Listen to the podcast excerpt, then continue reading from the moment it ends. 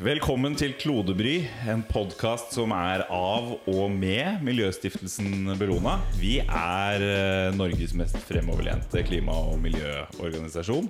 Vi finner gode løsninger, vi skalerer dem opp, sånn at de gjør en forskjell på globalt nivå. Og det er jo ikke noe selvfølge. Den organisasjonen har jo ikke blitt til oppstått av seg selv. Og eh, selve grunnen til at vi fins, og at vi sitter her nå, eh, det er mye takket være én person. Og den ene personen er i studio i dag, som for anledningen også har flyttet seg til eh, Bellonas kontorer. Faktisk ditt kontor. Fredrik Hauge, du er stifter av Miljøstiftelsen Bellona. Hei. Hei. Hei på deg. Og um, det er jo Du representerer jo liksom Organisasjonen er, er, eh, er skapt sånn som eh, du ville ha den. Den har endret seg mye på de 35 årene den har eksistert. Og vi skal snakke om det i dag. Rett og slett Hva er det som har skjedd på de 35 årene? For det er ikke rent lite. human influence has warmed the atmosphere, ocean, and the land. A code red for humanity. How dare you! Climate change is here now. Store nedbørsmengder har ført til flom. Vi må være ærlig. Global oppvarming er en avgjørende årsak. FNs nye klimarapport advarer mot menneskeskapte klimaendringer. klimaendringer. Og også med i studio i dag så har vi Bellonas kommunikasjonssjef Signy Fardal. Hei, hei. Du er en av de nyeste i organisasjonen, Ja. men allikevel så husker jo du en del av uh, det som skjedde i Bellonas uh, startfase, rett og slett fordi det var mye på nyhetene og sånn. Ja. Ja. Og jeg jobber som journalist i Dagens Næringsliv. Så mitt første møte med Bellona eh, og Fredrik Hauge, det husker jo selvfølgelig ikke han. Eh, men det husker jo jeg. Det var jo når jeg dekka alle disse aksjonene som eh, eh, Bellona gjennomførte i starten av eh, si, mm, de første åra av Bellonas historie. Hvor de grav opp, eh, gravde opp gifttønner og avslørte miljøkriminalitet. Eh, Nå er jo jeg en av de nyeste ansatte, men jeg er jo også en av de eldste i organisasjonen. Så jeg eh, husker jo mye mer enn det du gjør, for du ble født bare fire dager før Bellona ble etablert. ja, rett og slett. Altså, jeg er øh, jo ganske representativ for den typen folk som jobber i Bellona i dag. Som er folk med, øh, med lang utdannelse og skjorte på. Men kan vi få til noe endring, vi da? Jeg har i hvert fall aldri lenka meg fast i noe eller klatret opp i noe pipe. Det burde kanskje vært en rekruttskole som vi kjørte internt her for nyansatte, for at de skulle bli litt sånn eh, innviet i hva, eh, hva en bellonist egentlig burde være i sjelen. Men ja, jeg ble født på en tirsdag. Og hvorfor er det relevant? Jo, fordi mandagen etter så ble Bellona stiftet. Og ja, det var vel ikke pga. meg. Eh, altså At du så at eh, shit, nå, nå, nå fødes det mye potensielle idioter som kan gjøre mye skade her. Så vi må få, sørge for å få bukt med dette. Men det var en virkelighet da, det er en annen virkelighet nå. Hva er det som har forandret seg på 35 år? Nei, men Den gangen så var jo miljøvern noe som var for, for hippier. Og eh, eh, ble jo ikke Altså, folk kasta stein etter oss, på en måte.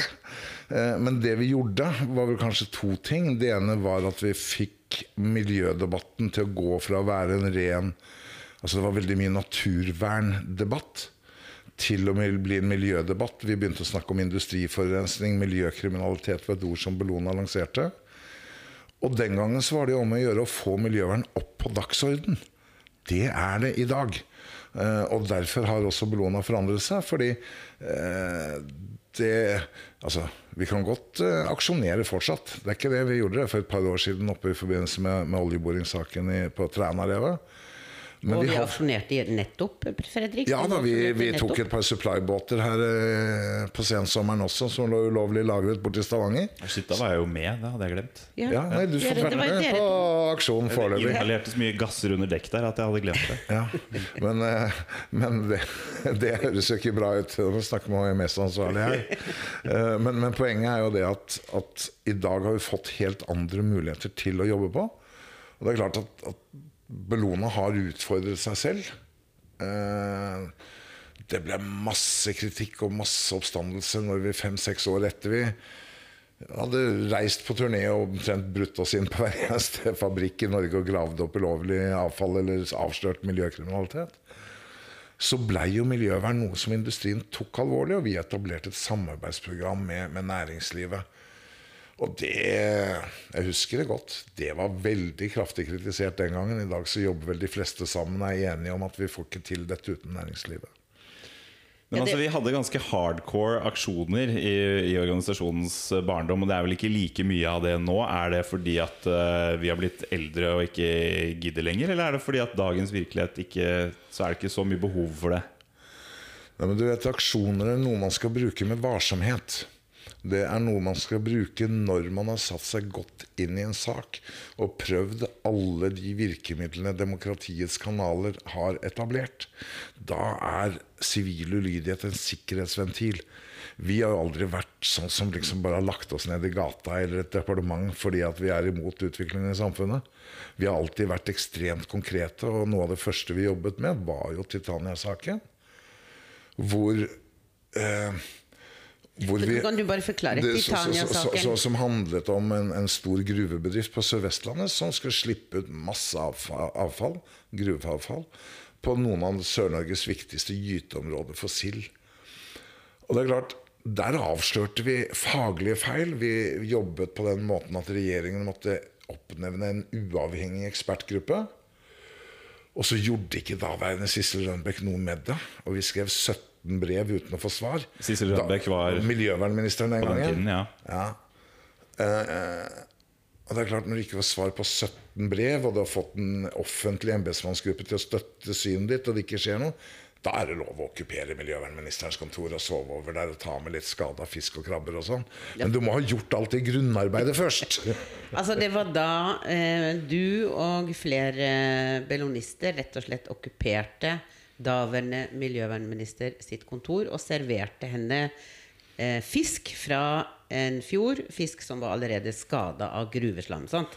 Ja, Hun var jo ikke der, så vi serverte det ikke, men vi tok med dokumentasjon. Og så lenka vi oss fast i stålampa, og så blei vi værende inntil politiet kom og kasta oss ut et døgn etterpå. Og det blei jo et voldsomt rabalder ut av det der. der. Men vi fikk en avgjørelse i Titania-saken etter elleve år. Vi fikk avfallet på land, og vi fikk vist at det nytter å slåss. Og at du kan skape resultater, men da må du også på en måte engasjere deg ikke bare med plakater, da må du gjøre en ordentlig faglig jobb eh, hvis du skal klare å oppnå de resultatene. Men altså bare så jeg har dette helt klart for meg Satt dere på et kontor eh, Miljøvernministerens kontor I et døgns tid Med en død fisk Mange, Mange døde fisker. Mange døde fisk Dette finnes dokumentert i bilder og sånn, så det går ja, an å Hvis man google googler det. dette Så er det Det, dokumentert fin ja, det finnes et morsomt dagsrevyinnslag hvor eh, daværende reporter Kai Michaelsen står i vinduet, for dette var i første etasje, og intervjuer oss eh, inne på kontoret. Og mens han intervjuer, så kommer da takeaway fra Ki- Kina-maten og leverer mat samtidig under Dagsrevy-intervjuet, så vi, vi klarte oss fint, vi. Men altså, det finnes jo i Bellonas historie så mange eksempler på ulike aksjoner både i inn- og utland. Jeg har lyst til å komme litt tilbake til det.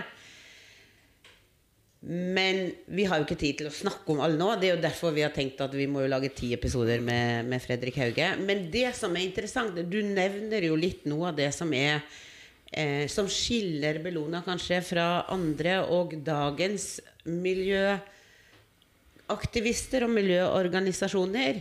Um, og blant annet dette med at um, du ganske tidlig, du og dine folk i Bellona ganske tidlig så at det er lurere å jobbe med eh, næringslivet enn å jobbe mot de. Dette har du bl.a. fått en ganske så gjev pris for. Eh, og det tenker jeg, det, det gjør meg stolt av å jobbe i Bellona. For i 2007 så blei du utnevnt til en av Hero of Environment av Time Magazine. Altså en miljøhelt. Og noe av det de begrunner dette med, er jo at du eh, sprenger eh, grenser, ser nye måter Altså din approach til det å jobbe med miljø. Men kan jeg spørre deg, hvordan opplevdes det å få en sånn utmerkelse av et så anerkjent internasjonalt magasin?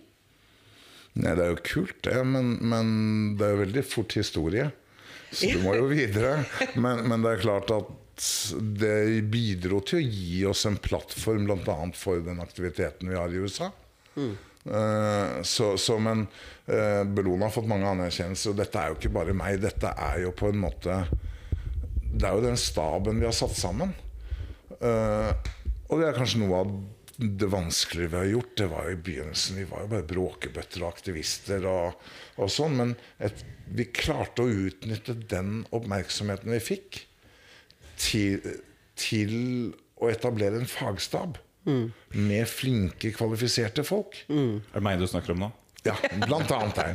Og det, altså et av Bellonas slagord har vært på en måte 'from pollution to solution'. Og det, og det var vel også veldig viktig for oss, fordi at når vi var rundt på bedriftene, ikke sant, så, så er det greit, du kan bråke, men når bedriften kommer og spør eh, gutter, jeg skjønner problemet, men hva skal vi gjøre med det? Så kreves det en helt annen kunnskap og innsikt for å være med på å lage løsningene, ikke bare peke på problemet. Eh, og, og, og det Det er jo sånn i dag også at det er næringslivet som vet hvilke virkemidler det er som virker. Hvis vi spør politikerne og byråkratene, så er det jo stort sett Ja, da har de f.eks. For forslag om skatt, og så har de forslag om mer skatt og mer skatt. Sånn at Det er jo ikke nødvendigvis det som virker for næringslivet, som er stabile, forutsigbare, regulerbare rammevilkår. Mm. Så når bedriftene kommer og sier ja, men eh, skjønner, men hva skal vi gjøre med, med det som er gravd ned der? Det er ikke bare å, å ta det opp. Så skjønte vi at vi måtte utvikle en helt annen kompetanse for å være med på å lage løsningene. Og jeg hater problemer uten å finne løsningene. Eh, Så det var kanskje den største første sånn store omstillingen i Bellona fra, fra aktivister. Vi er jo fortsatt aktivister, men at vi i tillegg fikk Jeg er utrolig stolt av den, den staben som jobber i Bellona i dag med fagfolk. Det er utrolig inspirerende og gøy. Det er flinke mennesker. Jeg har jo sett på disse, mm, disse avtaletekstene, altså avtaledokumentene som vi skriver med partnere i dag. Så, så behold, har jo de beholdt en sånn eh, klausul eller en seksjon hvor det står at vi forbeholder oss retten til å kritisere alt de driver med hvis vi ser behov for det. Sånn at eh, vi, eh, vi, eh, vi lar oss jo ikke eh, Det hindrer oss jo ikke i å kritisere ting vi mener er kritikkverdig, selv hos noen vi samarbeider med. Nei, men det gir oss en mulighet til å ordne opp i ting før det blir en stor sak. Og vi har mer enn nok store saker i Bellona. Vi har altfor mange saker. Så de vi kan bare kan ordne opp og fikse opp gjennom den type samarbeid, er jo gull verdt. Og så er det jo sånn at når vi startet, så kunne vi alt om miljø. I dag er det sånn at bedriftene også faktisk kan lære oss mye om det de kan. Og de er med da med det samarbeidet også, gi oss en plattform til å utvikle ny politikk, utvikle nye teknologier og nye løsninger. Kan ikke næringslivet bare ordne dette på egen hånd, og at de, de snakker med politikere og får eh, politikken tilrettelagt? Det er ikke vi vår rolle som mellomledd eh, Jo, det, er akkurat, det er akkurat det den ikke er. Og jeg tror det handler om to ting. Jeg tror det handler om at det er veldig sterkt når Be- Bellona sammen med, med en bransje eller med en gruppe bedrifter eller enkeltbedrifter setter seg ned og sier ok, hva er det vi trenger nå for politiske, økonomiske og juridiske rammevilkår for å gjøre den og den endringen. Og hvis vi kan ta den diskusjonen på forhånd, og ikke på etterhånd, så har vi spart oss mye tid. Og tid er det vi virkelig har dårlig med her. Jeg, jeg kan jo huske, jeg tror jo faktisk at det med at eh, mange aktører i næringslivet, altså mange bedrifter, fikk sine egne bærekraftansvarlige, det kom på en måte etter eh, 86, når Bellona ble etablert. Altså det kom som en følge av at noen satte klima og miljø på dagsorden, som jo Bellona gjorde. Bare et lite tilbakeblikk, siden vi sitter her med Benjamin, som eh, strak, er bare 35. Jeg har ikke veldig mye korttidshukommelse fra Eller, eller hukommelse fra hvert fall sånn fire-fem-seks dager etter at jeg ble født. Nei, du husker ikke. Men iallfall bare sånn Det er artig å sitte og bla i historien til Bellona, og den er så mangfoldig og inneholder så mye at vi skal bare nå touche eh, toppen. Men jeg må si en ting som kanskje du, Fredrik, syns er litt sånn eh, teit at jeg nevner, men det er faktisk sant at bellonistene, og ikke minst Fredrik Hauge, ble jo eh, miljøkampens rockestjerne. Eh, spesielt Fredrik, men det var jo liksom eh, kule unge menn i oransje dresser og islendere som hang fast i eh, master, og som grov opp eh, gifttønner, og som innimellom hadde litt sånn forsiktig håndgemeng med politi. Eh, Aldri men Nei, ikke de, Alltid nei, men at- fredelig, alltid ordentlig. Alltid ordentlig. Men jeg tror Fordi jeg, jeg har tenkt litt på hva er hva er suksessformelen her? Vi snakker nå 35 år tilbake i tid. Da handla mil miljøvern om miljøvern. Eller for oss, sånn som jeg kan huske, så handla det veldig mye om eh, fugler og fisker og natur og sånne ting. I dag har jo vi et helt annet fokus. Er du ikke enig i det? Altså Ja, det handler fortsatt om fugler og natur, ja, vet du. ja, Det gjør det. Ja, men du Ja. Nei, men, men eh, Bellona, når vi startet, var jo også en motreaksjon på en litt sånn Det var jo mye lilla skjerf og fotformsko i miljøbevegelsen den gangen. Ja, Det var det. Eh, og eh, vi var opptatt av Altså, vi lot Unge Høyre presentere vårt miljøprogram på båten vår, eh, sitt miljøprogram på båten vår. Ja, det var jo banebrytende og Ja, da, overraskende. og fo- folk var så sure Ja, på, på radiosida i Norge. Ja, for det er det vi mener med det. Om jeg bare bryter inn som Vi som er født på midten av 80-tallet og senere, tar ikke nødvendigvis assosiasjoner knyttet til lilla skjerf og fotformsko. Det. Det er radiser. Radiser Ja, ja Altså, Venstre-radikale Ja. Altså, folk. veldig mange velmenende mennesker ut ifra konseptet at veien til helvete er brolagt med gode intensjoner. Ja. Uh, så, sånn at Jeg var også opptatt av Og jeg Altså, det er ikke rart. Vi hadde jo de absolutt kuleste rockekonsertene. da, som støttekonserter. Jeg mener Første støttekonsertene hadde vi jo lineup med DumDum, Jokke, Raga og De Lillos, liksom, på første støttekonserten. Det var liksom når de slo igjennom. Så vi var jo rocka. Dere vi er var- rocka fortsatt. Vi er Dere- ikke de der Vi er rocka. Vi er Ja, rocka. vi er jo det. Fordi Ja. at eh, Det er så mye pekefinger Ja. I, i det vi holder på med. Ja. Og, og jeg er ikke så veldig opptatt av å fortelle folk hva de skal gjøre sånn personlig. Folk har forskjellige forutsetninger for det. Og det er så lett for politikere å si ah, det er ditt ansvar som forbruker. Men det vi har pekt på hele veien, er jo behovet for systemendring. Og den type samfunnskritikk på et litt mer overordnet, ikke moraliserende nivå. Så vi har kanskje vært litt mer rocka. Vi har ikke vært de der pekefingerfolka hele tiden. Makro og ikke mikro, som jeg har hørt at du har sagt eh, mange ganger. Nå, Men apropos, rocka- altså, noe av det rocka- første som dukker opp når man, eh, man googler ditt navn, Fredrik, er jo bildet av deg og Morten Harket i en eh, liten elbil. Det er jo kanskje det mest ikoniske bildet som er. I hvert fall sånn pressebilder som dukker opp. Ja, og det driver jo og går verden rundt for tiden, nettopp fordi at det var på en måte staten på elbilrevolusjonen i da i 1988. Det er lenge siden. Ja, riktig. Og det vi har av elbilinsentiver i dag, startet med noe som dere da greide å få innført på den tiden. Kan jeg få skyte inn en liten faktaopplysning her? Fordi Benjamin, da, som sitter i studio, er jo vår elektrifiseringsekspert. Så nå ek- Ja, visste du dette, Benjamin? Ja, tilbake til a-ha og eh, Morten Jeg og jobbet jo i bilbransjen før jeg kom hit. Ja. Og da lærte jeg at uh, de elbilinitiativene vi har i dag, det startet med denne her uh, Fredrik Hauge som kjørte gjennom bomringen med en ombygd uh, bil som var ombygd til elbil, og nektet å betale regningen. Det Fortell er helt riktig. Nei, det var jo fordi vi var så lei at alt som, alt, alt skal, som er galt, skal straffes. Men vi må jo ha noen premier for det som er bra. Så vi fant ut at, og det var jo sammen med Morten Harket og Magne Furuholmen, så importerte vi da den første elbilen til Norge. Det var litt av en jobb, for det var ikke noe særlig systemer for det. Og den gikk jo ikke langt heller. En ombygd Fiat Panda. Det var i 89.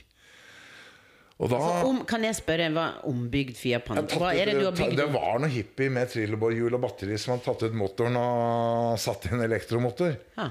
Eh, og det var i Sveits, fant vi den bilen vi var på elbilmesse der. Det var ikke, det var ikke, det var ikke de store bilfabrikantene som var der, det var Nei. folk med garasje. Så sa vi at ok, men da kjører vi ulovlig gjennom bomringen. Da Da skal vi kunne kjøre i bussfeltet, og vi skal ha gratis parkering. Så det blei jo en del bøter av dette her. Kan du si. Og Ja. hvis ikke du betaler de bøtene, så får du Statens innkrevingssentral. Og hvis ikke du betaler der heller, så kommer til slutt politiet og skal konfiskere bilen. Og så skal de selge den på bilauksjon. Så den ble jo solgt på bilauksjon noen ganger, den elbilen, kan du si. Men det var dere som kjøpte den tilbake? Ja, det var ingen andre som var interessert i en elbil som kunne gå 40 km, så den fikk vi billig tilbake. Og Oslo Bilauksjon lå utenfor bomringen. Og da var det jo bare å ha med seg en ny rockestjerne da, og kjøre gjennom bomringen. Og så hadde vi media. Så dette tok jo ni år før vi fikk til dette. Men, men jeg synes jo det er fantastisk morsomt at et lite land som Norge med fem millioner innbyggere på denne måten, og hvis du spør Tesla, Elon Musk osv. Så, videre, så det vi gjorde der, 12% av elbilsalget til Tesla var i Norge i begynnelsen. Så vi har gjort en forskjell med Og halvparten av nybilsalget i Norge? Ja, nå er det mer. Nå er det mer. Er det enda mer. Så, så det er fantastisk gøy, og det viser Jeg håper jo, fordi det er jo mange som i dag Det er fort gjort å bli litt deprimert av klimanyhetene. Og jeg tror kanskje det er noe av det viktigste vi kan gjøre i Bellona. Det er å vise at vi kan gjøre en forskjell. Og jeg tror jo at hadde det ikke vært for Bellona, så hadde kanskje elbilrevolusjonen vært ti år senere. Jeg pleier å si det når vi, når vi var på den store klimakonferansen i København i 2009. Da hadde vi med oss de fem første roadsterne, Tesla Roadsterne i Europa. Altså bilene. Men Bilene, tenker sant? altså, Det var nytt. 2009 det var før noen av de eh, moderne elbilene. Altså første Det liksom, det var- elektriske folkebilen som kom, ja. Nissan Leaf, kom for første gang sånn 2011. Så da snakker vi to år før det. Ja. Og vi hadde jo da skjønt at det Tesla eh, holdt på med i USA, da var det på en måte etter å ha holdt på i 25 år med elbil, så var det nå er det vår tur. Uh, men det er klart, med fem elbiler i Europa, så det er ikke så veldig lett for politikerne å vedta regler og insentiver og virkemidler for å få opp dette. Og så går det da noen år, og så er det de nye klimaforhandlingene i Paris nesten ti år etterpå. Det er ikke så langt, seks år etterpå. Da er Tesla den mest solgte bilen i Norge.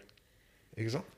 Da er det veldig mye lettere for politikerne å fatte strengere vedtak når de vet at det er et alternativ.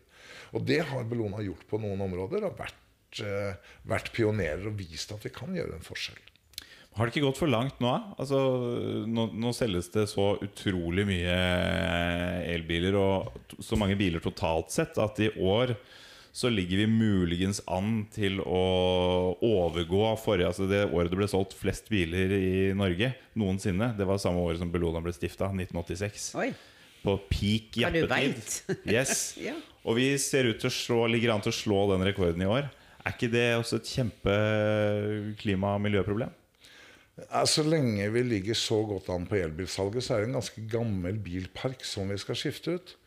Så er det jo et argument for alle snakker om subsidier av elbiler osv. Men det vi glemmer i debatten, det er jo at hver fossilbil som selges, har en helsekost på mellom 17 000 og 20 000 kroner i året.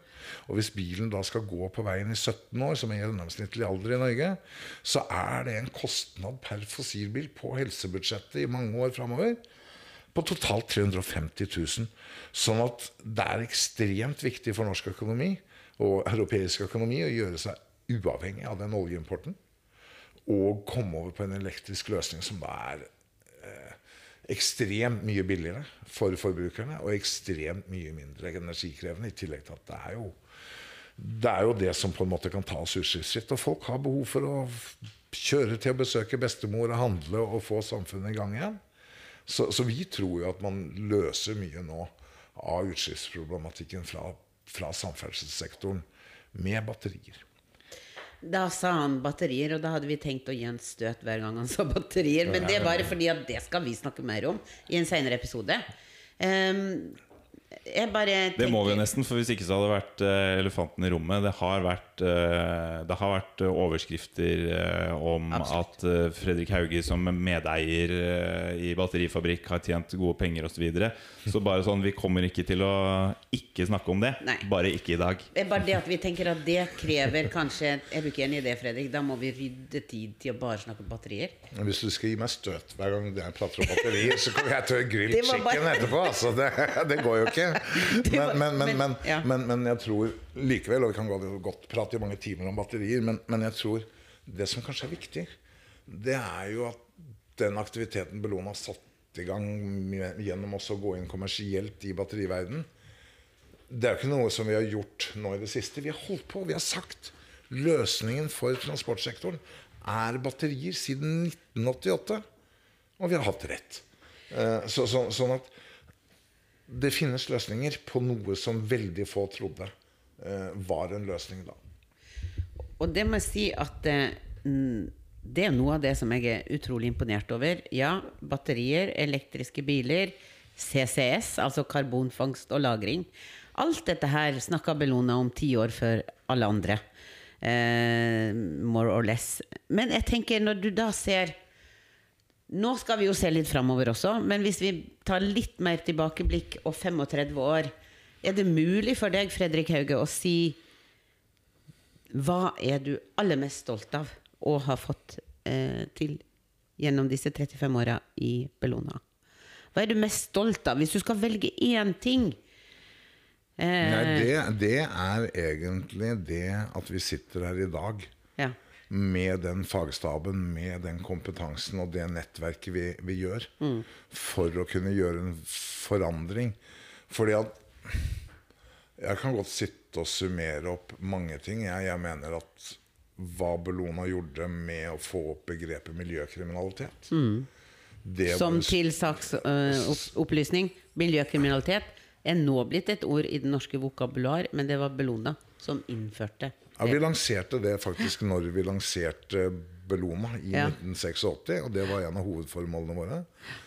Eh, Men det vi har gjort på industriopprydning i Norge, det er klart det er eh, både motiverende og inspirerende. Fordi vi kan jo ikke gjøre jobben alene. Vi kan akselerere dette i samfunnet. Og så har vi ikke snakket om Russland i Nei. dag, men det er jo en stor Må operasjon nesten nevne. Russland. Det, det, Og det, det var jo også på en måte å utfordre organisasjonen veldig og ta løs på liksom Folk trodde jo vi var ganske gærne når vi sa at nå, nå skal vi dra til Russland og rydde opp Eller Sovjetunionen, som det var en av den gangen. eh, Og rydde opp i atomavfall og stoppe atomprøvesprengninger. ja. Eh, Så så jo folk litt rart på meg, men det Men folk, folk har jo ledd litt av oss, men det er også å lage godt miljø, da. Ja. Men trodde du da at det der kunne dere ha realistiske muligheter til å gjøre en forskjell? Eller var det en sinnssyk ambisjon som like gjerne kunne blitt ingenting? Nå vet du jo hvordan det gikk, men, Nei, men når du du, ikke, du ikke jo, visste det du står jo oppe, oppe i en situasjon da, Hvis du har informasjon, eh, så kan du ikke sitte på den. Og det vi fant Og dette her var jo egentlig et resultat av eh, Den gang så drev man jo med prøvesprengninger med atomvåpen. Og det gjorde man også på denne øya til Sovjetunionen, eller noen Russland, og nå er Semlja. Helt øst i Barentshavet, langt nord. Eh, så vi seilte jo opp dit. Med båten. Med båten, ja. Kalinika? Og Nei, det var, Nei, det var det var gamle Kalinika. båten Genius. Um, og så ankra vi opp der på tolvmila i en måneds tid. Uh, før vi ble arrestert av den sovjetiske marinen. Men det var jo på en måte det som trigget av at vi begynte å få enormt mye rykter. Alt var jo rykter i Sovjetunionen den gangen. Og, og fant jo altså, bl.a. ut av dette lageret som ligger ved siden av norskegrensen, 50 km fra norskegrensen, Lager med hva? med brukt atombrensel, ødelagt brukt atombrensel. Jeg pleier å si at for å lage den mengden radioaktivitet som ligger der, så skal du egentlig smelle av 5000 Hiroshima-bomber. Det sier noe om dimensjonene. Altså det er over 100 reaktorer. Og kjernene fra de som ligger der, ødelagt. Og dette slang de bare i noen konteinere og satte på et jorde? Ja. Så vi driver jo fortsatt er involvert i den opprydningen nå 25 år etterpå. Uh, Vi begynte å jobbe med, med, med avfallsskipet Lepse, som lå i Murmansk havn. Som hadde liksom nesten en Tsjernobyl-ulykke, for å si det enkelt, om bord. I en by med 400 000 mennesker. Den båten har vi nå bidratt til å få hogd opp, men det har vært en enormt vanskelig prosess. Fordi vi må jo gjøre dette på en måte som gjør at ikke vi forurenser tusenvis av arbeidere. Og sånn som det vi holder på med nå, og russiske myndigheter holder på med nå i, i Andreva, da, dette atomavfallslageret med, med brukt brensel. Vi må jo være klar over at det vi holder på med der nå, er jo også at den opprydningsoperasjonen øker faren for ulykker. Men, men hvis vi ikke gjør det, så kommer det til å gå gærent. Da blir det en form for eh, atomkraftulykke i slow motion. Men Fredrik, så det på tid, tidlig på Bellonas, i Bellonas historie så fant dere ut at dere ville bidra med å sette søkelyset på atomkraft og atomavfall i Russland. I dag har vi et kontor i Murmansk og et kontor i St. Petersburg. Og vi har en kollega som heter Andre, eh, Alexander Nikitin. Eh, som det er jo også en egen historie eh, som sikkert er lang, men som er også ganske fascinerende. For det var en Ja, du kan jo fortelle Klarer du å si dette veldig kort? Eh, Ja, jeg kan prøve, men, men det som skjedde, var jo at fra vi da begynte i 89, det var jo egentlig at vi satt og sa ok, nå falt Berlinmuren. Altså, nå, nå, Og hva kan vi gjøre? Så hadde jeg noen år tidligere, når jeg var og klatret i en pipe i Belgia i protest mot sur nedbør Som man jo gjør. ja. Jo, jo. Det, Eh, så hadde jeg hørt fra den ene fotografen i Dagbladet at han hadde hørt fra militæret om dumping av radioaktivt avfall i Barentshavet. Så etter vi hadde aksjonert mot atomprøvesprengningen, som ble en stor sak i, i Sovjetunionen, og mye oppmerksomhet, så fikk vi plutselig masse informasjon som vi begynte å samle. Og det ble jo på en måte internasjonale nyheter. Det gikk på CNN, det gikk overalt. Eh, og i 1994 så var det EU-avstemning i Norge. Og vi ønsket fokus på, på at EU måtte være med i dette. Altså Det er jo mange mange milliarder kroner vi snakker om for å rydde opp etter kalde krigen. Eh, så da leide Bellona det er ikke så mange som har gjort, to atomisbrytere. For å ha konferansen om bord. Det er ikke så mange miljøorganisasjoner som har leid To atom- atomisbrytere. Ja, ja. Og så fløy vi opp EUs miljøkommissær og de fire nordiske ministrene og hadde en konferanse. Og det var sånn de første pengene fra EU kom til opprydning av denne Lepse-båten.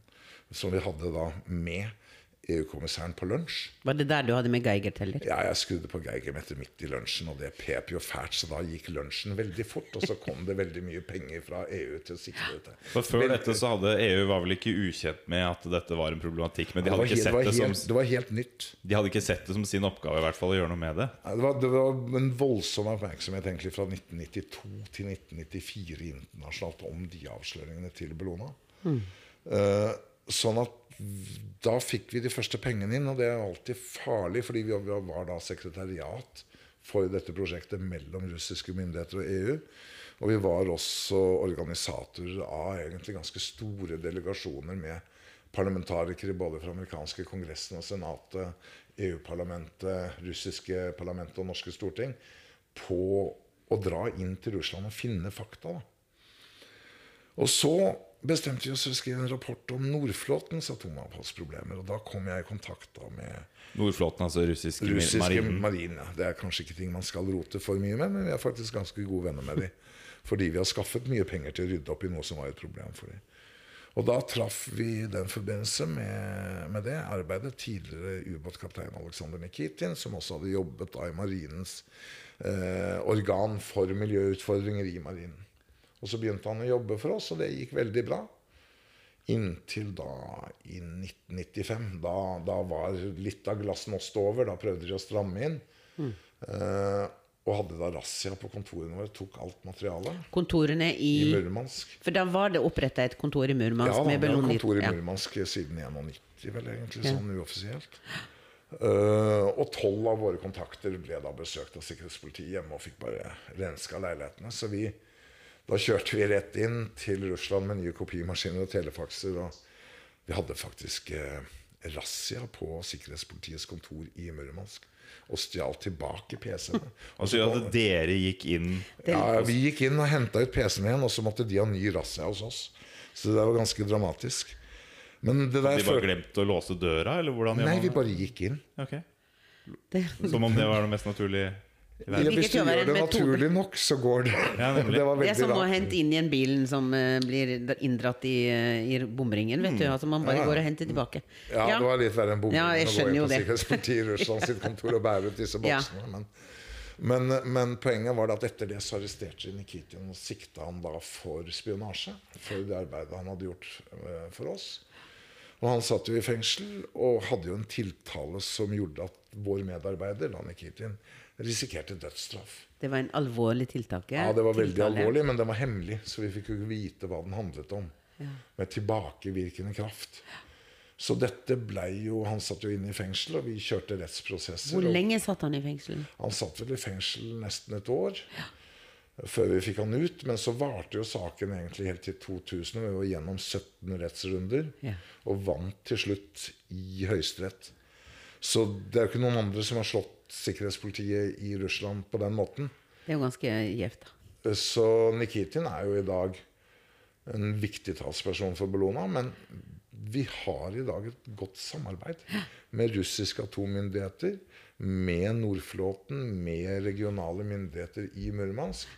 Fordi at Bellona har vært konkrete. Vi har vært operative. Vi har ikke bare pratet. Eh, Vi, hadde, vi har hjulpet til med å sikre arbeiderne, f.eks., som er et kjempeproblem. Igjen på denne Lepsebåten. Det bodde jo folk om bord. Var ikke du Jeg mener å huske at for ikke så lenge siden så sendte du en videohilsen i forbindelse med at de nå hadde høgd opp Lepse. hele Lepse. Så du er jo hedra som en slags Sendte eh, videohilsen til Til, eh, Til- til, til, eh, Russland. Ja, til eh, Nei, du forklarer det mye bedre enn meg. Men det, Nei, ja. da, men det, Dette er jo en sak som Bellona Murmansk og, og, og sånn har jobbet veldig tett med. Og, og det var en stor dag. Da ble jeg invitert opp og kunne dra. Så da var jeg med på tidlig en morgen og slepe Lepse ut fra havna Det dette- i Murmansk. denne båten som vi snakker om med- Som har masse ødelagt brukt brensel, eh, farlig. Har høyaktivt avfall om bord. Og det var jo med hornmusikk på kaia. Med et lite vodkaglass, som er russisk tradisjon. Og det å da ha en Tsjernobyl-ulykke på slep bak der, det var ganske rar følelse. Altså, det må jeg si. Men, men igjen en følelse som jeg håper Bellona kan formidle. At ja, det kan være vanskelig, det kan være dritt. Men hvis du gjør en ordentlig jobb på en ærlig og ordentlig måte, så kan du få til resultater. Og, og resultatet av det Bellona har gjort, er jo at det nå er løftet 105 atomreaktorer ut av ubåter som holdt på å synke, og satt på et sikkert lager på land. Og 105 atomreaktorer er jævlig mye avfall. Så, så, så det er jo med stolthet Bellona skal se på det. Og det, det, det er jeg også virkelig stolt av hva vi gjør der borte. Det er ikke enkelt. Også på det mer personlige planet. Aleksander Nikitin, som vi snakker om her, han har jo i dag skrivebord rett borti oss. korridoren her. Ja. Han er fortsatt en del av organisasjonen. Men, tror du det er en glede for oss som var med på den Nikitin-saken? Å kunne gå på jobb og se Alexander i levende live jobbe for oss. Og være i dag, etter de tiltalene som han ble frikjent for, en særdeles viktig kontaktperson. Jeg tror ikke det er så mange andre som får lov til å komme inn på disse avfallslagrene på den måten Nikitin gjør. Det er fordi vi har levert. Så vi har vokst altså fra eh, å begynne det veldig veldig små, med det veldig konkrete, til å være Vi er veldig aktivt til stede i Russland, da, som vi snakker om. Både på menneskerettighetssiden og konkret med håndtering av atomavfall og dette her. Så vi, Og miljørettighetssiden. Retten til tilgang på å få informasjon. For det ser vi jo er et stadig problem. At den manglende åpenheten gjør at sivilsamfunnet, organisasjoner og stiftelser som Bellona kan ikke holde kontroll hvis ikke vi har tilgang på informasjon. At det er lovlig. så har vi kanskje sånn i, i helt motsatt ende Så har vi også et ganske stort Brussel-kontor som jobber med lobbyvirksomhet Ja. i EU-sfæren. Eh, og det er et veldig bredt spenn her. Så du for deg en sånn, at vi skulle utvikles i en sånn type retning i Bellonas spede begynnelse? Ja. Så alt er en plan. Jeg Nei, brenner men, nei, inn- men altså, Ja. det, det var da virkelig ikke vits i å starte Bellona. Hvis ikke vi hadde den type ambisjoner at vi virkelig skulle gjøre en forskjell. Da kunne jeg brukt livet på noe annet. eh, For å si det på godt norsk, det er ikke kommaknulling vi driver med. Det er er, det er, det er nok av andre folk som tenker små tanker i klima. Sini, Sini sin tur. Jeg brenner inne med så mange, så mange spørsmål, og så ser jeg at klokka går. Men noe av det Altså, nå kan man bruke den Bare sjekk, Vi har sprinkleranlegg her, så hvis Ja. det faktisk begynner å brenne, så går Ja, så kan Ja. ja, jeg brenner, inne med, jeg brenner ikke inne lenger. Noe av det som er eh, veldig motiverende Det er masse som er motiverende. Eh, men det jeg liker aller best med vår holdning, med din holdning, med vår For vi er jo dine medarbeidere. Vi jobber i Bellona og er bellonister. Det er jo den eh, optimistiske Eller i vår tid er det veldig lett å grave seg ned og få det som vi sjøl før, før har vært borti av, av begreper. Økosorg og klimaangst og Vi skal ikke snakke om det, Fredrik. Jeg lover. Du har måttet snakke om det før på NRK. eh, Jeg har sendt det dit. Men eh, det er jo en viktig ting. Men det som jeg tenker er det viktigste budskapet, er jo den optimistiske Det finnes et håp. Du har uttalt en gang et eller annet sted, jeg husker ikke hvor, at det som skremmer meg mer enn klimaendringene, er apati. Eh, og man kan jo på ingen måte si at du er apatisk, for du er jo 140 i 140 hele tiden. Men denne positive, eller optim... Altså, er, det, det ene spørsmålet Kan vi være optimistiske? Er det grunn til å være optimistiske? Er det håp for kloden? Er det håp for at vi skal klare å snu eh, utviklingen, stoppe eh, klimaeffekten? Skal vi tro på det? Er, er, har det noe poeng, det vi holder på med? Uh, det finnes vel bare ett svar. Og det er at vi alle har en mulighet til å gjøre verden litt bedre enn hva den ellers ville ha vært hvis vi ikke engasjerte oss. Om jeg er optimist? Nei, altså Vi har i dag stelt oss til sånn at vi kommer til å få betydelige effekter av de utslippene vi har. Havet kommer til å stige, det kommer til å bli varmere. Vi ligger an til en 2,7 graders temperaturøkning nå. Det er helt jævlig. Mm. men hvis vi er ærlige om det, så må vi jo da Og det så du jo veldig tydelig i valgkampen. Det er ingen som, som i Norge i valgkampen snakket om det økte behovet vi har for å bygge ut vann og avløp i byene våre som følge av styrtregn. Ikke sant? Så hvis vi bygger ut hvis, Og vi i Norge vi har jo på en måte økonomi til en viss form for tilpasning så har vi muligheter til å begrense videre klimakatastrofe. Og vi har en mulighet til å få ned utslippene. Men da må vi være ærlige om hva det er som kreves. Det du har jo vært kontroversiell og sagt at vi må tåle å ofre litt natur for å få til de tingene som trengs. Ja, og det liker jeg ikke. Og så må vi prøve å redusere det. Det er jo derfor bl.a. Bellona jobber med CO2-fangst og -lagring. Fordi eh, hvis vi skal ta og Du jobber med elektrifiseringen hos oss. Men, men vi, vi får ikke løst problemet uten CO2-fangst og -lagring. Og det tror jeg den nye regjeringen som skal komme på, vil se. At vi er helt avhengig av det. At det er, det er sannsynligvis dobbelt så dyrt for verden å nå klimamålene hvis det i det hele tatt er mulig.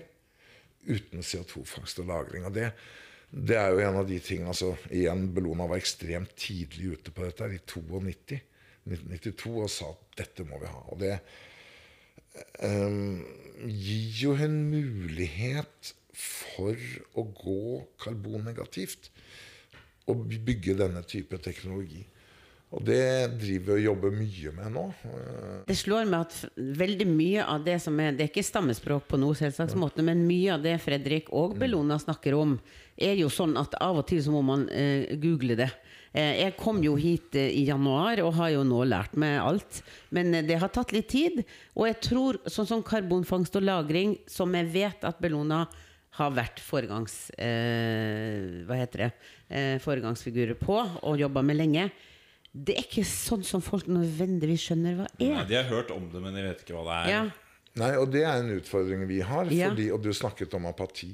Og vi er opptatt av å snakke om de løsningene vi har. Eh, og er jo blitt kritisert for at vi kanskje er mer for vindkraft enn en del andre. Vi snakket om dette med naturødeleggelser. Men, men, men eh, CO2-fangst og -lagring, f.eks. på Equinors anlegg i Finnmark, er en mye bedre løsning å fange CO2 og legge den under bakken enn å bygge vindmøller i samenes beiteområde for å bruke elektrisk kraft istedenfor, etter vår mening.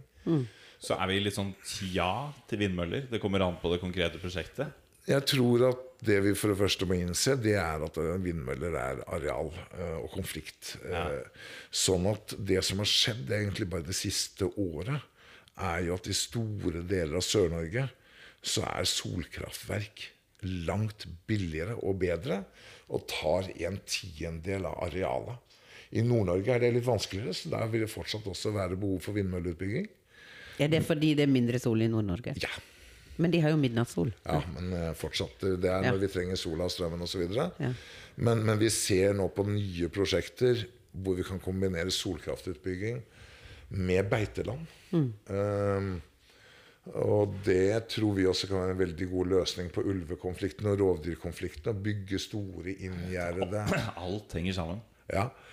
Så, så, så liksom Når miljøbevegelsen blir imot alt, så er det jo litt vanskelig for ungdommen å vite hva vi tror på. Det er og, og, det. og, og, og, og, og det er jo en av grunnene til at Bellona også nå skal presentere 121 løsninger Mm. under klimakonferansen i Glasgow. Fordi vi trenger ungdom som utdanner seg til dette. Mm. Til å løse, fikse problemet. Eh, og om ikke vi kan fikse alt, så kan vi fikse en god del. Og det, det eh, tror jeg ligger en enorm kraft i den innovasjonstrangen unge mennesker har i dag. Og de har tilgang på en informasjon gjennom mm, internett som gir de kunnskapen og forutsetningene for å være med på å løse problemene på en helt annen måte enn for ti år siden.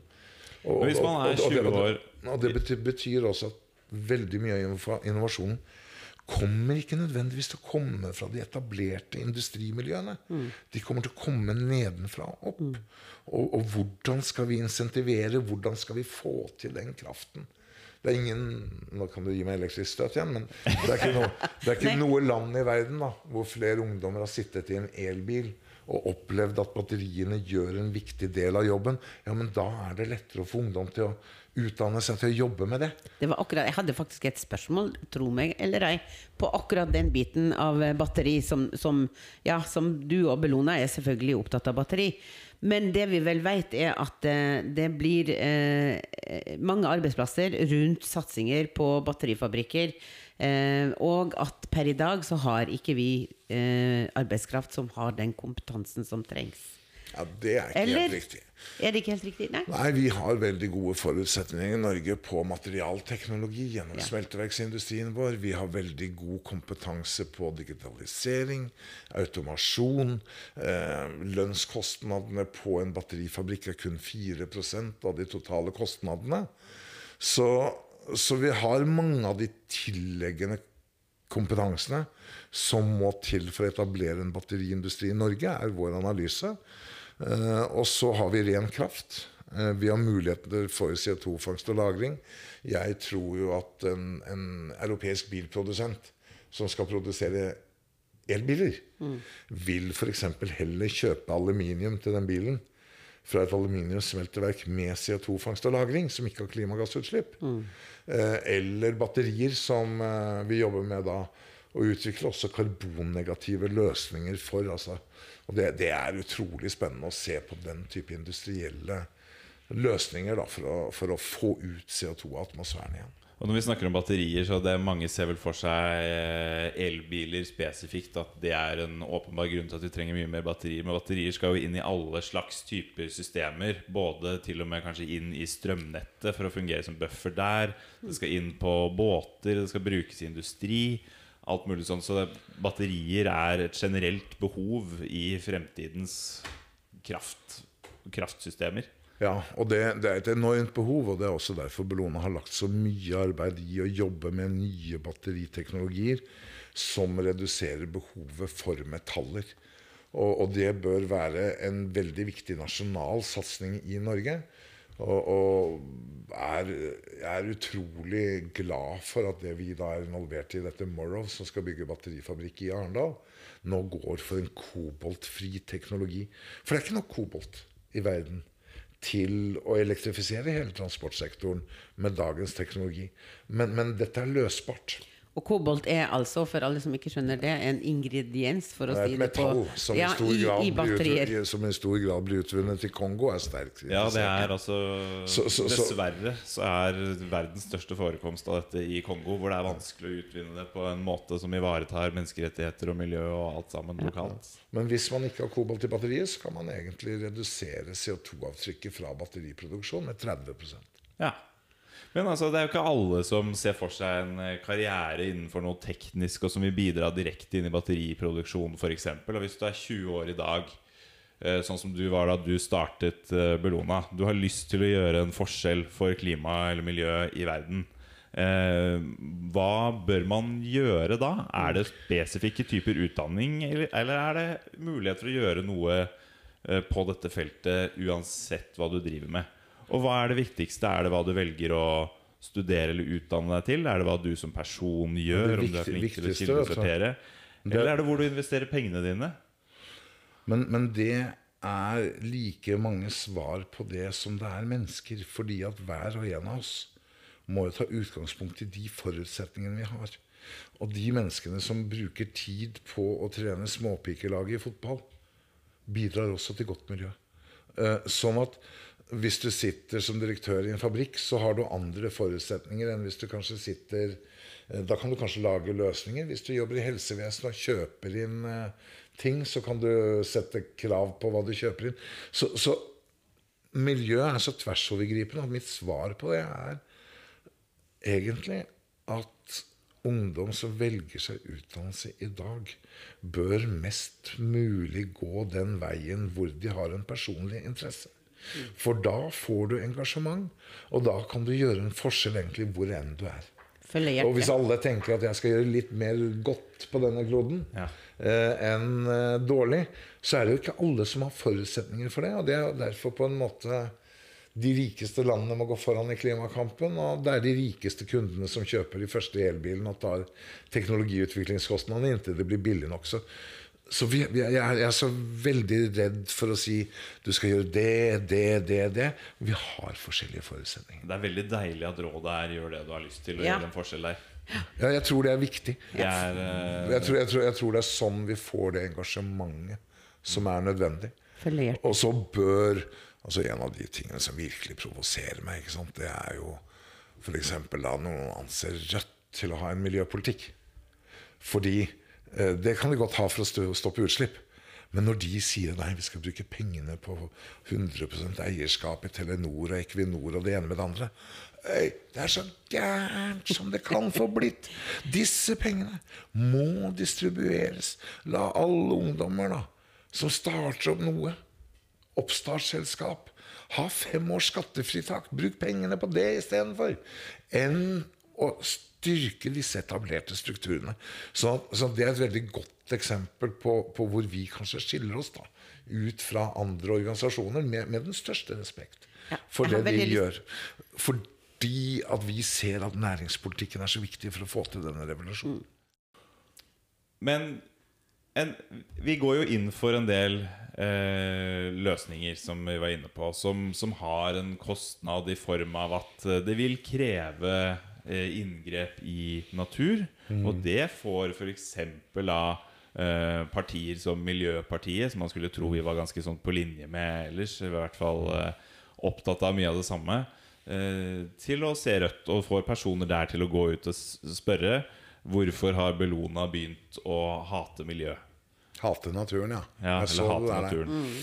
Nei, det er jo fint at parti som De Grønne, som går inn for å bygge inn 30 terawatt-timer offshore vind, eh, reiser det spørsmålet. Så nå snakker du om havvind. Ja, havvind, ikke sant? Og 30 TWh, det er altså ca. Hva blir det? En fjerdedel av norsk energiproduksjon? Det er helt riktig. ja. Ja. Så det er ganske mye. Og vi er jo ikke imot det. Men hvis du ser da på hva som skal til, så vil det gå med 11 millioner tonn sement, 3,5 million tonn stål og 155 000 tonn kobber. Det er like mye som hele levetidsproduksjonen fra gruva i Finnmark som planlegges for kobber, som De Grønne er imot. Men mye av det er jo under vann. Så da Ja, ja men, men gruvedriften er der, sementproduksjonen er der. Mitt poeng er vi må være ærlige om dette. Hva dette grønne skiftet tar. Ellers kommer det til å slå oss i bakhodet. Jeg er ikke nødvendigvis mot eh, 30 TWh offshore vind, men, men jeg syns det er litt tidlig, for vi vet ikke nok. Men, men denne type ting må miljøbevegelsen tørre å være ærlig på, er mitt poeng. Og, og, og øh, vi må være konsekvente. De grønne er også da imot øh, det vi kaller blått hydrogen, altså hydrogen produsert av naturgass, fossilgass, med CO2-fangst og -lagring, som er en spennende måte. Ja, fint det. Men hvis du skal ta og lage da hydrogen til, til f.eks. det Yara holder på med nå, ammoniakk, eh, så er det et spennende prosjekt teknologimessig. Men du må bygge ut 150 kvadratkilometer eh, planområde for vindkraft da, for å ta det strømforbruket. Ja, Så vi, vi, vi, vi må være ærlige. De, de regnestykkene der går ikke opp. Nei, altså to pluss to er fire fortsatt. Ja. Jeg er veldig opptatt selv om man er kommunist. Ja, og, eller er det De grønne? Og, og, og, og mitt poeng er at, at her er det Det er mange som ikke har regnet hjem. Og det er jo en av de tingene som er helt fantastisk for Bellona. For det gir Bellona en stor rolle i samfunnet. Å sette sammen disse planene. Og kanskje det at vi har holdt på med så mange forskjellige ting, gjør at Bellona er i stand til å sette sammen nye systemløsninger. Eh, Det vi gjør sammen med Sahara Forest Project med saltvannsdrivhus i, i, i Midtøsten, er et godt eksempel på det. Det skal vi også snakke om i en egen podkast. Men, men, men, men det er ikke hver enkelt teknologi lenger, men hvordan de settes sammen, og hvordan de brukes, som blir viktig. Kan jeg Så siden selv ikke Vi finner da åpenbare svakheter i politikken til eh, miljøpartier som eksisterer i dag, bør det neste naturlige steget for Bellona være å starte politisk parti? ja. Nei, Fredrik for fordi, president. for, nei, fordi det vil være fundamentalt galt. Nå har vi fått en aksept i samfunnet for at miljø er viktig. Men det er ikke én vei til målet. Vi er nødt til å ha Og, og i Norge så er vi så veldig opptatt av at, at liksom, vi skal være politisk korrekte. Jeg er litt mer enig i klimaet klima enn deg. Men vi må respektere at det finnes forskjellige veier. Det finnes en sosialdemokratisk måte til målet, en borgerlig måte til målet. eh, Rødt kan ha sin. Og denne skal vi si, pluraliteten, flerfoldigheten, er helt avgjørende at vi møter hverandre med respekt. Fordi eh, det er ikke noe fasitsvar her. Nei, og man løser ikke problemene ved å stemme på ett spesifikt parti. Det, det kan folk ha sine egne meninger om. Bellonas jobb er å få alle partiene til å ha en bedre innsikt og få en bedre miljøpolitikk. Nemlig. Og jeg tenker bare sånn, for nå begynner vi virkelig å nærme oss slutten, men jeg syns at en viktig konklusjon Ikke selve slutten. Nei, Ikke de på den episoden. Men en viktig Ja, det var noe konklusjon godt. Da ble jeg litt bekymra, Signy. Enden er der. Nei, men jeg tenker det er en viktig av, av alt det vi har snakket om som er kjempeviktig, så tenker jeg altså følgende som er viktig å utdype, siden det har rulla godt hele høsten, når du sier at vi må være ærlige og snakke om at for å på en måte redde naturen og miljøet, så må vi også bruke naturen og miljøet. Men det er jo ikke dermed dermed så, så, så mener jeg også at det er ingen som gjør så mye som Bellona. For For, å redusere f.eks. behovet for å bygge ut vindkraft. Fordi vi jobber med CO2-fangst og -lagring. Fordi vi jobber med sol, som er en tiendedel av arealforbruket. Så det er jo ikke sånn at vi ønsker dette her. Men, men vi må være ærlige på at dette er stort. Dette er omfattende. Og det blir jo ikke uten synlige spor. Nettopp. Og de som da sier ja, men kan vi ikke heller bare redusere bruken av eh, bruken av energi og legge oss på et lavere forbruk, og ikke det må Fordi at jeg har jo sett at det er også noe som er blitt argumentert mot. At eh, vi sier at eh, vi må på en måte knuse noe egg for å lage omelett. For å opprettholde vår levestandard og alt mulig sånn. Men det er jo ikke så ja, det, enkelt det som der må du nesten spørre politikerne som Ja. skal bli gjenvalgt, hva de Ja. tror om klimaeffekten av det der. der. Ja. Og så er det sånn at det er utrolig mange mennesker på kloden som har behov for velstandsøkning. Mm. og det betyr at vi rike landene vi må ta de tidlige kostnadsutviklingene. Mm. Men du vet, vi er jo fantastisk heldige i Norge. Vi har altså noen helt unike muligheter med at vi har lagrene for CO2 i forhold til CO2-fangst og -lagring. Vi har store biomasseressurser som kan brukes til biokarbon. Altså biomasse er eksempel Skog og tang og tare og det ene med det andre. Så det er på en måte tiden for å gå i demonstrasjonstog for Bellona og kreve 100 000 miljøarbeidsplasser. Den er litt slutt, og det er også derfor Bellona har lagd Bellona Holding. Med kommersiell aktivitet. Hvor vi nå sammen med Lerøy Seafoods er den største tang- og tareprodusenten og har utviklet nye teknologier. Hvor vi har gått inn i batteriindustrien fordi at vi så ting som ingen andre gjorde der. Eh, og hvor vi på en måte nå sier nei, vet du hva? Vi skal gjøre ørkenen grønn i Jordan og utvikle helt nye måter å løse produksjon av biomasse på. Både til lands og til havs med bruk av saltvann. Og det tror jeg blir så viktig å ikke bare bli sittende og prate, men at vi også som stiftelse nå gjør et nytt skritt. Vi ble kjempekritisert når vi inngikk samarbeid med næringslivet. Nå er vi i ferd med også å bli en del av næringslivet. Folk får mene hva de vil, men vi skal ha resultater. Og da må vi tørre å utfordre oss selv. Kjempe, kjempebra avslutning. Jeg må Her bare må vi bare Ja. Jeg har spist paprika fra Jordan. Altså paprika som er grodd i eh, Sahara Forest Project. Men vi skal snakke om det i en senere Absolutt. episode. Her må vi bare akseptere at her, her blir det mange løse tråder. Eller det er sånn mange røde tråder som spriker i ulike retninger. Vi får ikke knyttet alle sammen igjen her nå, men derfor så er det også sånn at vi har jo 18 ting å snakke videre om tematisk senere utover i denne podkasten. For å lære mer om alle disse tingene. Eh, Så nå har i hvert fall folk fått et slags eh, overblikk over liksom hvor vi har vært, og hvor vi er, og hvor vi skal med, med klima- og miljøarbeidet vårt.